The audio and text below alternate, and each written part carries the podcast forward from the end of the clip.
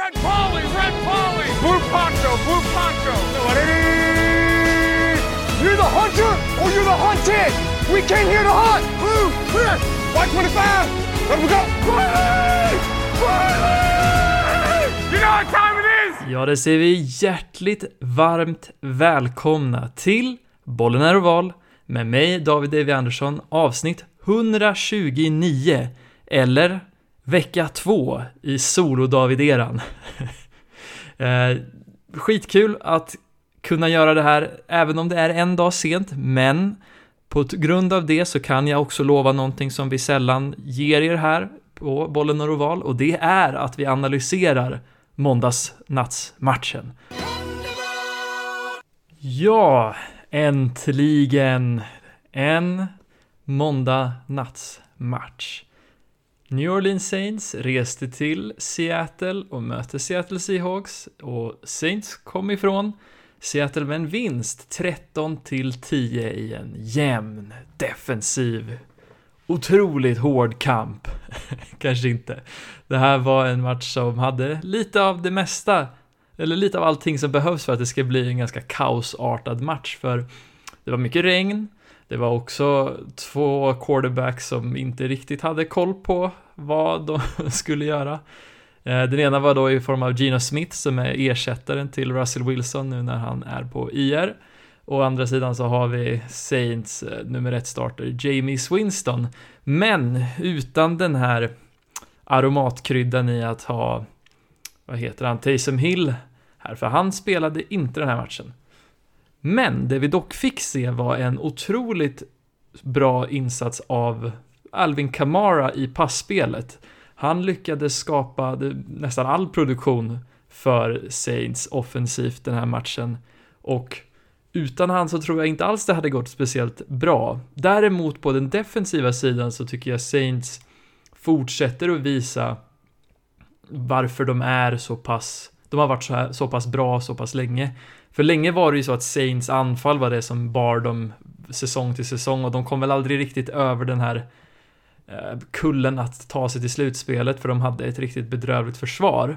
Men sen i och med de senaste årens draftplock och liknande så har de lyckats bygga en ganska stark kärna där i försvaret istället. Och som har lyckats ja, bära dem de flesta matcherna. Och det tyckte jag verkligen man fick se prov på här, där Mario Davis och resten av gänget lyckades sätta enorm press på Gino Smith under alla hans dropbacks och ledde till ungefär fem stycken sacks, vilket är väldigt, väldigt mycket. Och utöver det så fick vi även se lite, lite muntugg mellan, mellan Marshawn Latimore och DK Metcalf. Jag trodde inte Metcalf skulle vara så bråkig av sig, men det var mycket knuffande och och munhugg mellan de två av någon konstig anledning. Eh, som inte jag har koll på. Å andra sidan, om vi ska hoppa över till Seattle så känns det som att det här laget det är nästan konstigt att de var så pass nära på att slå Saints här, för Gino är ju en ersättare till Russell, Alex Collins är en ersättare till Chris Carson. Eh, och ingen av dem är en speciellt bra ersättare. De fick tillbaks Rashad Penny i den här matchen, men Rashad Penny gjorde ingenting riktigt och han visade ju sig kanske vara det ganska stor bust från det här året när, för han draftade samma år som, vad var det, var, var det Nick Chubb och Ronald Jones och alla de som gick ungefär där. Så det, ja, tråkigt. Utöver det så, ja, jag vet inte vad man ska säga, regn och att Gino hade sån enorm press på sig, det gick väl aldrig riktigt att få iväg några bollar till ja, hans duk duktiga receivers. Uh, Tyler Lockett fick bara 12 yards. Medan DK Metcalf lyckades fånga en långboll i början på matchen som gjorde att Seattle kunde hoppa iväg på en tidig ledning. Men sen så inte så mycket mer.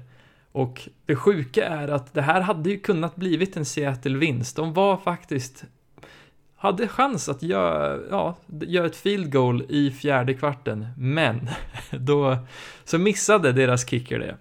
Och istället så var det New Orleans Saints som lyckades tugga sig ner för plan och sparka in det slutgiltiga field goalet. Och ja, jag tror ingen av de här, de här lagen är speciellt nöjda över sin insats och det kan nog bara bli bättre. Det som kunde ha varit min påse förra veckan i Cincinnati Bengals mot Baltimore Ravens, en vinst för Bengals. var kanske en av de bästa matcherna den här veckan. Wow! Eh, Cincinnati vinner den här matchen med 41 poäng mot 17. Eh, ser ut som en utblåsning, men jag tyckte faktiskt inte den var så, alltså så farlig om man tänker på kvaliteten av matchen. Det här var ganska jämnt, långt in i tredje kvarten och sen sprang Cincinnati iväg mot slutet.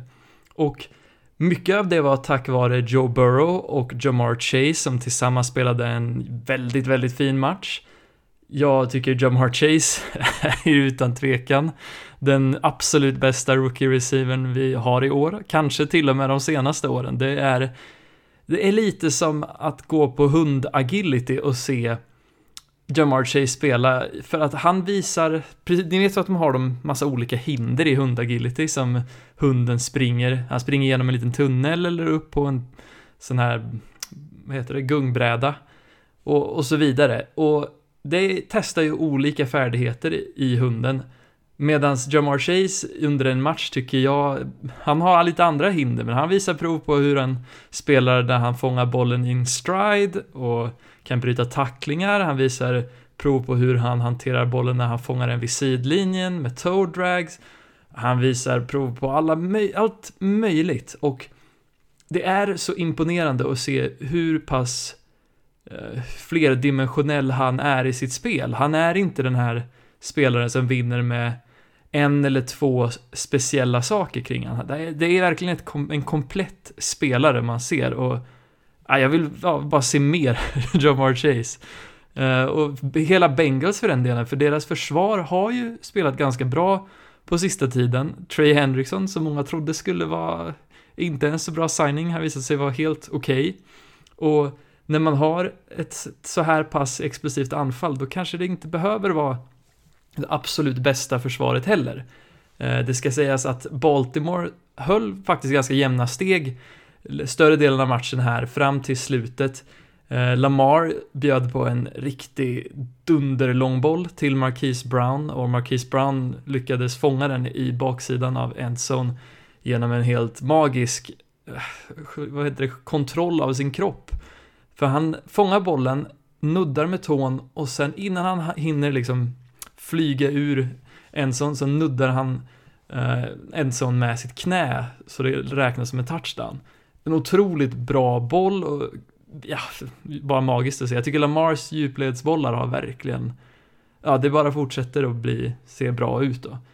Utöver det så såg det inte skitbra. Jag tycker att, jag vet inte vad man ska säga, Baltimore var lite för ivriga att gå på fourth down. Förmodligen har de kanske kommit undan med det mer i tidigare matcher, men den här matchen så försökte de två gånger i tredje och fjärde kvarten och misslyckades båda dem. Och jag tror det är därför, i alla fall enligt mig så var det därför som den här matchen ser så pass ojämn ut om man kollar på poängen. För båda de uh, turnover on downs som detta skapade ledde till scoring drives av Cincinnati Bengals.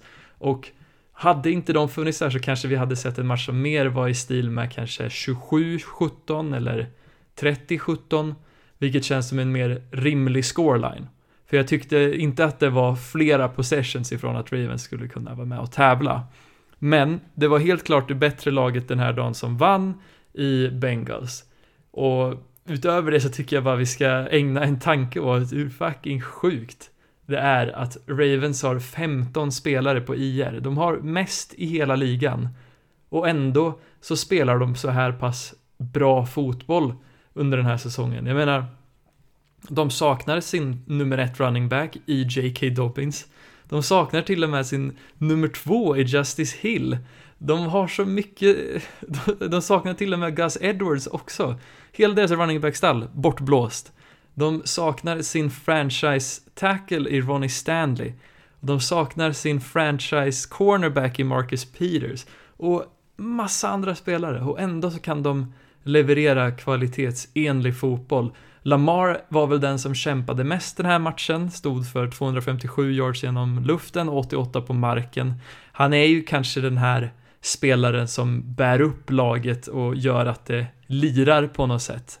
Och ja, för mig så tycker jag bara att om man har lite tid över på söndagar, ägna en extra sekund och titta när Baltimore eller Cincinnati spelar. Riktigt bra match. Ja, bomber och kanoner skedde i helgen i Tennessee, där Tennessee Titans vann med 27 poäng mot Kansas City Chiefs 3 poäng. En väldigt oväntad utblåsning där laget i blått i stort sett kontrollerade hela matchen. Det var en otroligt imponerande insats från Tennessee som stod för en nästan perfekt första halva av matchen där de lyckades lösa, var det två turnovers första halvan och dessutom två otroligt duktiga defensiva insatser de första två drivesen som ledde till att Tennessee sen med sitt väldigt duktiga anfall kunde kap kapitalisera på det och le leda fem stycken scoring drives i första halvan som gjorde att de ledde med 27 poäng eh, i halvtid. Vilket var nästan allt som räckte för Kansas City kunde inte riktigt göra någonting därefter. Eh, det var en väldigt bra insats defensivt, eh, även andra halvan skulle jag säga. Eh, Denico Autry, Harold Landry stod för några riktigt bra insatser. Jag tror nog att den här matchen kanske hade blivit lite närmare om inte Patrick Mahomes hade skadat sig sent där ungefär i halv, det var ungefär halva tiden kvar i fjärde kvarten. Så fick han ett knä mot huvudet och fick lämna matchen och Chad Henney fick ta, ja, ta plats istället. Eh, Mahomes hade en riktigt kass match, lite oturlig på, ja, stundtals. Han hade en interception som blev, eh, ja, den blev, det var någon som stötte till den och så blev, ledde det till en interception. Sen blev han också strippad på en scramble, eh, vilket ledde till att ja, Tennessee kunde ta över bollen. Annars, eh, jag vet inte, det, det saknas någon sorts dimension i Kansas och det har det väl gjort de senaste veckorna om de inte möter Redskins då, med de här djupledsbollarna som liksom kunde ska, som, det var ju den magin som oftast behövdes för att för att Kansas skulle ta sig igen liksom matcher där de låg väldigt mycket under så kunde de alltid lita på att hitta McCall Hardman eller Tyreek Hill eller Travis Kelce djupt nere på plan. Och det hittar de inte riktigt längre och de har som sagt tillsammans med den här oturen de har med sina turnovers så ser det riktigt illa ut. Men jag tycker att man inte ska ta för mycket ifrån det här. Det här är liksom sånt som händer och man ska istället titta mer på Tennessee och tänka wow, vad fel vi hade. Jag tror många var ganska kritiska till vad Tennessee skulle komma med. Många var väl väldigt ja, säkra på att de skulle stå för ett väldigt bra anfall, vilket de också gör. Eh, A.J. Brown för övrigt den här matchen tog ju, fick ju verkligen komma tillbaks till sitt SM med 133 yards eh, i luften, vilket var otroligt coolt. Men samtidigt att se deras försvar fortsätta och vara tillräckligt bra. Det är ju inte det bästa lag eller försvaret i världen, det är det ju inte, men de skapar tillräckligt med chanser för att det här Tennessee-laget som spelar så pass fysiskt ska ja, kunna kontrollera matcher och de har ju slagit både Bills och Chiefs i rad nu. Ja, jag vet att Jags är på bye, men det andra Jags-laget, Miami Dolphins, de spelade match i helgen eh, och de mötte Atlanta Falcons. Miami agerade hemmaplan, men torskade i en väldigt jämn match 30 till 28 mot Matt Ryan och Atlanta Falcons. En match där Atlantas unga första rundeplock Kyle Pitts, tight enden, stod för nästan halva lagets produktion genom luften, 163 yards. Och en match där man, ja, jag tycker för varje vecka kan man se hur Kyle Pitts blommar ut till att, ja, han är bara större och mer atletisk än alla andra som man möter.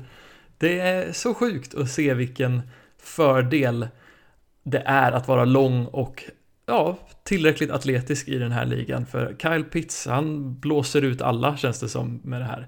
För om man jämför han med till exempel Jamar Chase, jag menar Jamar Chase är en otrolig tekniker. Jag tycker han är otroligt spännande att se för han är så duktig på alla olika aspekter i spelet medan Kyle Pitts, jag vet inte om det är så jävla skickligt det han gör.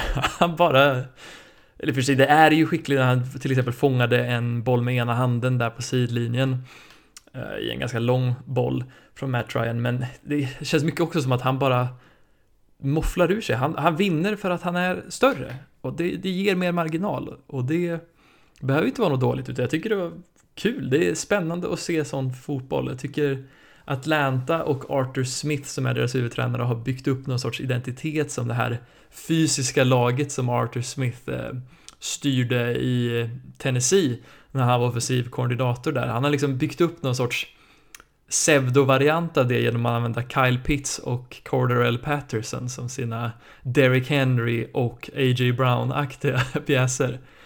Eh, men ja, kul!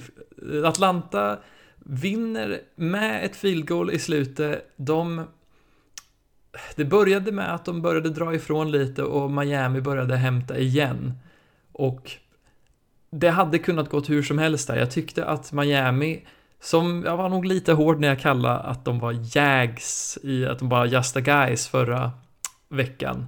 För de har pjäser. Problemet är att många av de pjäserna är skadade. Eh, Devante Parker ser vi sällan i matchtruppen på ja, matchdag längre. Will Fuller är på IR och det var ju de två spelarna som är Med hoten på utsidan som ska låsa upp Jalen Waddell och Jalen Waddell är ju fortfarande magisk. Han och Mike Gesicki står ju för mycket mer än vad man trodde eller vad man förväntade sig att de skulle göra. De har liksom lyckats fylla de här skorna i frånvaron av Devonte Parker och Will Fuller. Och jag tycker Tua spelar bra, men det är, ah, det, är så likt Carson Wentz eh, för det här förra året när han blev bänkad i Eagles, eller året innan, eller egentligen Carson Wentz hela karriär, att det känns så, det, det är så mycket ansträngning för att röra bollen på drives ibland. Och det känns, det är därför vi får sådana här situationer när han egentligen, ja, när Tua liksom tvingar iväg bollen i fönster som är alldeles för tajta, när han inte behöver göra det. Eller att han springer med bollen och försöker få en first down när det inte är värt det, vilket leder till skador och turnovers. Och det, det, jag tycker det surar, det, gör, det blir ett litet surt äpple det här, att titta på Tua, för det händer så ofta. Och det känns bara som att han behöver lugna ner sig och känna att ta det i den takten det kommer. Det är okej okay att inte göra poäng varje drive. Han kanske har enorm prestationsångest efter vad hans liksom, kursare i Joe Burrow och Justin Herbert håller på med just nu, men fan låt det kom till dig.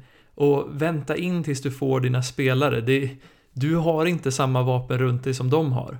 Så ta det lite lugnt. Och sen vill jag också ägna att ge en stor jävla känga till det här lagbygget i Miami i hur de egentligen hanterade den här draften. Jag tycker att den var tvärkass. För de har ett okej okay försvar, men deras anfall är ju, ja, om man bortser från dem de tog in under free agency på wide receiver-fronten, skitkast. Alltså, running back till exempel, varför var inte det en större prioritet i draften? är de allvarliga med att gå in i säsongen med Miles Gaskin, Salvon Ahmed och Malcolm Brown? Det är, det är skrattretande enligt mig. Det här är laget som borde pushat för en Travis Etienne eller Najee Harris sent i första. Och att de inte gjorde det tycker jag är lite skämmigt. Och sen dessutom att de inte la större fokus på offensiv linje. Jag tycker de gjorde rätt i att välja Jalen Waddle så tidigt, för han är en otroligt duktig spelare. Som jag tycker man har märkt med alla de här Big Three wide receiversen i år. Jag tycker Devonte Smith, Jalen Waddle och eh, Jamar Chase framför allt har varit väldigt värda plock. Och jag äter hur mycket skit som helst för att jag inte såg så mycket värde i Jamar Chase-plocket. Det kom, ja, jämfört med en Penay Sewell till exempel, men fuck it. Jamar Chase och de här andra grabbarna, de är superduktiga, men det fanns mer plock och där kunde man prioriterat annorlunda. Låt oss titta in hos ett hästlag länge sedan. Vi pratade om Indianapolis Colts som reste till San Francisco och slog dem på bortaplan 30 till San Francisco 49ers 18. En match som spelades i regnväder av och på, men även om det hade varit soligt så tror jag det inte hade varit någon dundermatch av båda lagens quarterbacks. Det här var sannerligen en ja, en utställning av väldigt dålig kvalitet på kast, men med en bättre quarterback i slutändan i Carson Wentz som kunde generera lite Eh, produktion på marken för att kompensera för ja, kasten. Då, den här matchen så var det dock en väldigt fin prestation från både Jonathan Taylor och eh, Indianapolis Colts Michael Pittman Jr. som både stod för produktion via liksom att fånga bollen, men också i den här, att utnyttja den här defensiva matchplanen som San Francisco stod för genom att eh, egentligen vinna på djupet, så man kommer förbi den här defensiva backen, vilket Pittman gjorde väldigt ofta, och sen väntar man på att Carson skulle kasta en underthrown boll då, så att han var tvungen att stanna in eller behöva vända sig om för att fånga bollen och då vänta ut på att den här defensiva backen från San Francisco 49ers utan någon som helst tanke skulle springa rakt över han och dra en pass interference. Det var inte bara de här 105 som han fångade utan också 97 yards i penalties på defensive pass interference som ledde till att Indianapolis Colts kunde ja, hänga med i matchen för det var jämnt väldigt länge. Det var inte förrän i, sist, i fjärde kvarten som Indianapolis drog ifrån. Och även om 30-18 låter större så ja, det här känns som en match som egentligen borde legat typ en, ett field goal isär i poäng. Eh, utöver det så tycker jag att man ska väl alltid anmärka på hur, hur komiskt det är att se hur välplanerat och välsmort det här anfallet i San Francisco alltid ser ut. De här första en, två drivesen eh, Elijah Mitchell till exempel stod för otroligt bra produktion, stod för nästan en hel drive själv i början som ledde till en scoring drive. Eh, för att sen så bara blir de jättedåliga, försvinner helt. Debo Samuel är ju, han fortsätter ju det här tåget och vara den bästa receivern i laget och en väldigt kul överraskning. Sen ska man väl ändå nämna att de inte är helt friska i San Francisco. Trey Lance var tydligen out och jag undrar om inte Alltså jag vet inte om man ska säga att Jimmy var problemet här, men det känns som att San Francisco kanske borde börja tänka lite mer på framtiden än att försöka vara inne och tävla, i alla fall när Jimmy står för en sån här match. Jag hade förväntat mig något mycket bättre. Och på andra sidan, Colts har ju återhämtat sig nu från deras 0-4 start med tre vinster. Eller var det 0-3 de gick kanske? 0-3. De förlorade i alla fall tre raka i början och står nu 3-4 totalt. Och det gör de verkligen själv för. Det här är ett lag som har blivit bättre och bättre för varje match. Jag tycker äntligen man börjar se lite prov på den här pass rushen som de ändå har. Eh, The DeForest Buckner, eller om man bara ska sammanfatta vad de fick, vad var det, förra året? Men när de tradade bort sin första för DeForest Buckner till 49ers och de draftade Michael Pittman Jr och Jonathan Taylor och alla de tre spelarna har varit väldigt stora nyckelpjäser i det här årets Indianapolis Colts. Vi avslutar veckans analyser med att prata lite Detroit Lions mot Los Angeles Rams. Los Angeles Rams vinner den här matchen, 28 poäng mot Detroits 19 i en match där Detroit gjorde verkligen allt för att vinna matchen. Dan Campbell hade förberett en matchplan som involverade en, inte bara en, men två fake punts, en onside kick i första kvarten. Och på grund av det, de oväntade besluten som han stod för, så lyckades Lions stå för en otroligt jämn match som var egentligen bara en score bort i, sent in i fjärde kvarten. Och det var väldigt nära, men till slut så var det tyvärr det man nästan kan tänka sig som hände för Detroit och det var att Jared Goff inte kunde ta dem över, eh, över strecket helt enkelt. Jared Goff blir eh, pressurad på en dropback och kastar bollen lite oförsiktigt rätt i händerna på Jalen Ramsey. Det är väl vad det är, men tillsammans med hur resten av matchen såg ut så var det lite bra grejer. Khalif Raymond och DeAndre Swift och Jamal Williams såg riktigt duktiga ut som eh, vapen i anfallet medan Jared Goff, ja, han var väl okej okay på att fördela bollen ibland men jag tycker att man märker en otrolig skillnad mellan han och den som är quarterback i Rams i Matthew Stafford. En kul liten switch av vad, vilka lag de har spelat för. Men det är så uppenbart varför Rams gick vidare och på något vis så känns det som att jag vill se mer av Detroit. Men jag vill inte se dem med Goff, för när jag tittar på det här laget eller av de jag sett de senaste veckorna.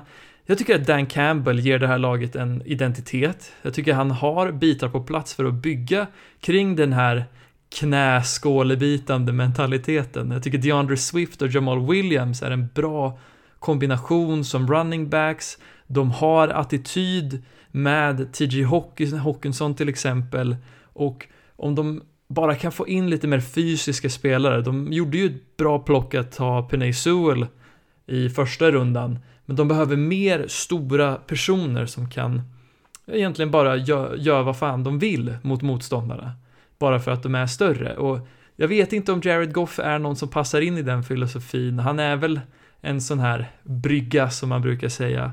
Och jag undrar, vad ska de ha istället? Finns det någon spelare de kommer kunna få tag på som quarterback inom en snar framtid som kan fylla det här gapet för dem?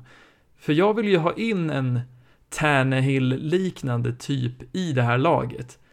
Och jag vill, jag vet inte, jag vill bara se vart det här Detroit Lions, vad kommer, vad kommer de ta vägen när de faktiskt har en, vad jag tror kan bli en riktigt bra coach eh, bakom, ja, som styr skutan. Det ska bli väldigt spännande. Än så länge så ser det ju inte skitbra ut. De är 0-7 i, på säsongen. Så det, ja, det tar väl ett litet tag till, men ja, jag vet inte vad man ska säga mer än att jag är imponerad. Det, det, finns någonting här i Detroit Lions.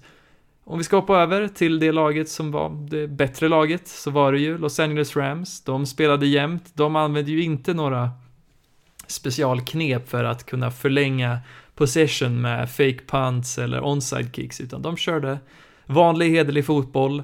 Det var Matthew Stafford, det var Darrell Henderson, det var Cooper Cup, och det behövdes egentligen inte så mycket mer. Robert Wood stod för en hel del produktion han med och även Van Jefferson och Tyler Higby. Men jag vet inte, det, det kändes bara som att Los Angeles gjorde sin grej och det räckte. De kändes aldrig som att de riktigt satte foten på gasen. Eh, än att de bara körde liksom det de är trygga med och det är väl att Stafford utnyttjar sin kemi med Cooper Cup och använder det sen för att öppna upp ytor till de andra receiversen. Och ja, deras försvar är ju vad det är. Jag, tror, jag tycker inte försvaret i Rams är så jävla bra. Mer än att de har den här star powern i Aaron Donald och Jalen Ramsey och det var väl också det som avgjorde matchen på något vis men behöver, ja, ett bra försvar Ah, jag vet inte hur man ska förklara det. Det kanske är den här vägen som ligan är på väg att gå mot att du behöver ju bara vinna ett play så pass att du skapar en turnover för att försvaret ska ha gjort sitt i någon mening när vi lever i en liga med otroligt starka anfall. Då kanske man bara behöver fokusera mer på turnover-aspekten i ett försvar än att göra det väldigt svårt för dem att ta sig ner för plan. Det, ja, jag vet inte, det är väl någon sorts filosofi där. Eh, än så länge så, Rams fortsätter att göra sin grej. De har ju haft lite motgång med att de tappade Cam Akers till exempel i början på säsongen, men de lyckas ha parerat det väldigt bra, för jag tycker Daryl Henderson eh, är ja, en gudagåva för dem. Så var det sportboken. Här finns det inte så mycket att hämta den här veckan från vad jag kan se och känna så här pass tidigt. Vi har på torsdagen så möter Packers Cardinals och Sportboken ger 6 poäng i handikapp till Packers här. Jag kan tycka det är lite högt. De här lagen är väldigt jämna. Dock är det på en torsdag, vilket är alltid ett recept för oväntade resultat. Hade det varit... Hade jag fått välja utan att beakta handikapp hade jag nog sagt Cardinals, men torsdag, Packers får ändå 6 poäng. Det känns som en jävla bra marginal att jobba med. Så jag skulle, om jag hade påsatt så hade jag nog kanske påsatt Packers här. Men det, det är inte min favoritbett på den här veckan. Men den är värd att beakta. Jag tycker Cardinals ser ju skitbra ut, men jag tror inte det kommer hålla till en helt obesegrad säsong. Det här känns som en helt okej okay match att man kanske förlorar, för Packers är sannerligen ett bra lag. Jag gillar hur de har balanserat sin användning av Aaron Jones och A.J. Dillon såg väl inte skitbra ut förra veckan men det har sett ganska bra ut resten av säsongen. Utöver det så har vi 49ers som möter Bears i den tidiga fönstret på söndag kväll. Eh, Bears får 3,5 poäng i handikapp av sportboken. Jag tror att Justin Fields och Dar Darnell Mooney kan vara en ganska farlig kombination mot just det här 49ers försvaret för vi såg ju hur Carson Wentz och Michael Pittman kunde utnyttja hur pass dåliga de var i djup coverage. Och frågan är om de hinner parera, alltså korrigera det nu fram tills att de möter Chicago. För om det är någonting jag tycker Justin Fields har utmärkt sig på så är det just hans Eh, förmåga att kasta de här djupledsbollarna till just Darnell Mooney. Och att också kunna förlänga spelen med sina ben. Ja, det kan bli svårt för Niners här. Ja, Niners är väl det bättre laget och det säger väl sportboken med all rätta här, men ja, jag kan se lite magi hos Bears. Men ja, som sagt, det här är en, inte min absoluta favoritpåse. Vi har ett otroligt jämnt möte mellan, mellan Titans och Colts. Colts får en poäng i handikapp. Jag kan nog se att Titans springer över den här matchen. Eh, det har sett bättre ut för Colts, men jag har länge varit väldigt kär i mina Titans. Och jag kommer nog fortsätta vara så, även om Titans alltid har en förmåga att förlora matcher som de borde vinna. Men det här kommer vara en ganska rolig match, så om ni får chansen att titta lite fotboll på söndag så titta in på Titans Colts.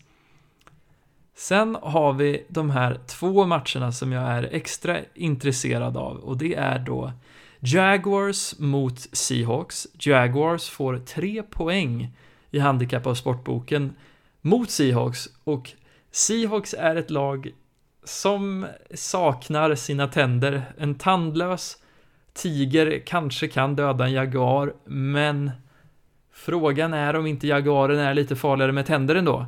Och jag tycker att man verkligen ser hur pass bättre det här laget blir för varje vecka. Det vore ju inte omöjligt om de spelar en jämn match som slutar i en vinst för Trevor Lawrence och company. Ja, spännande. Den här, det här hade jag nog kunnat påstå om jag inte hade fått välja min absoluta favoritpåse, som är givetvis Giants mot Chiefs. Den är, den är risky. Sportboken håller med och ger 10 poäng i handikapp till Giants, men det här Giants-laget har någonting som är lite svårt att kvantifiera. De vann ju förra veckan mot Panthers ganska överlägset. Eh, det var väl ganska jämnt i början, men sen sprang de iväg. Men det var ett Giants som saknade i princip hela sin offensiva kärna. De hade inte en enda skill position-spelare som är liksom den de hade velat starta. Och om de kan få tillbaks lite av de gubbarna så tror jag att Chiefs kan ha det ganska kämpigt för deras försvar har fortfarande väldigt mycket frågetecken. Eh, Patrick Mahomes har ju på något vis lyckats få all den otur som man kanske borde ha haft andra säsonger i år. Och ja, jag vet inte, det, det beror väl lite på. Jag tycker ju att Chiefs är det bättre laget, Chiefs har den bättre quarterbacken och ja, det är väl inte så konstigt om han då vinner den här matchen, men Giants är, ja man ska inte underskatta dem här. Det här är i primetime, så det ger ju extra lång tid för Giants att kunna få tillbaks lite spelare, även om det inte är så jävla många timmar. Så, ja, det är också på måndag natt. Så det, ja, du får ju en till dag. Så, ja, spännande. Jag tror fan, alltså om vi kan se att Kadarius Tony får eh, chans att spela den här matchen, så tror jag att han kan vara det som krävs för att ta Giants till en seger här. Eh, den här kommer bli riktigt spännande, men ja, håll koll på den här. Det här hade varit min påse. Och där hade vi inte så mycket mer. Det var väl den här veckan. Eh, ja, jag fortsätter och gör min grej. Jag styr skutan i, på egen hand i väntan på att vi får förstärkning så småningom. Men det har varit jättekul att göra det här för er och jag hoppas att vi hörs igen nästa vecka. Red Polly, Red Polly, Blue Poncho, Blue Poncho. You're the hunter or you're the hunted. We came here to hunt. Blue, clear. White 25. Let we go. Quietly! Quietly! You know what time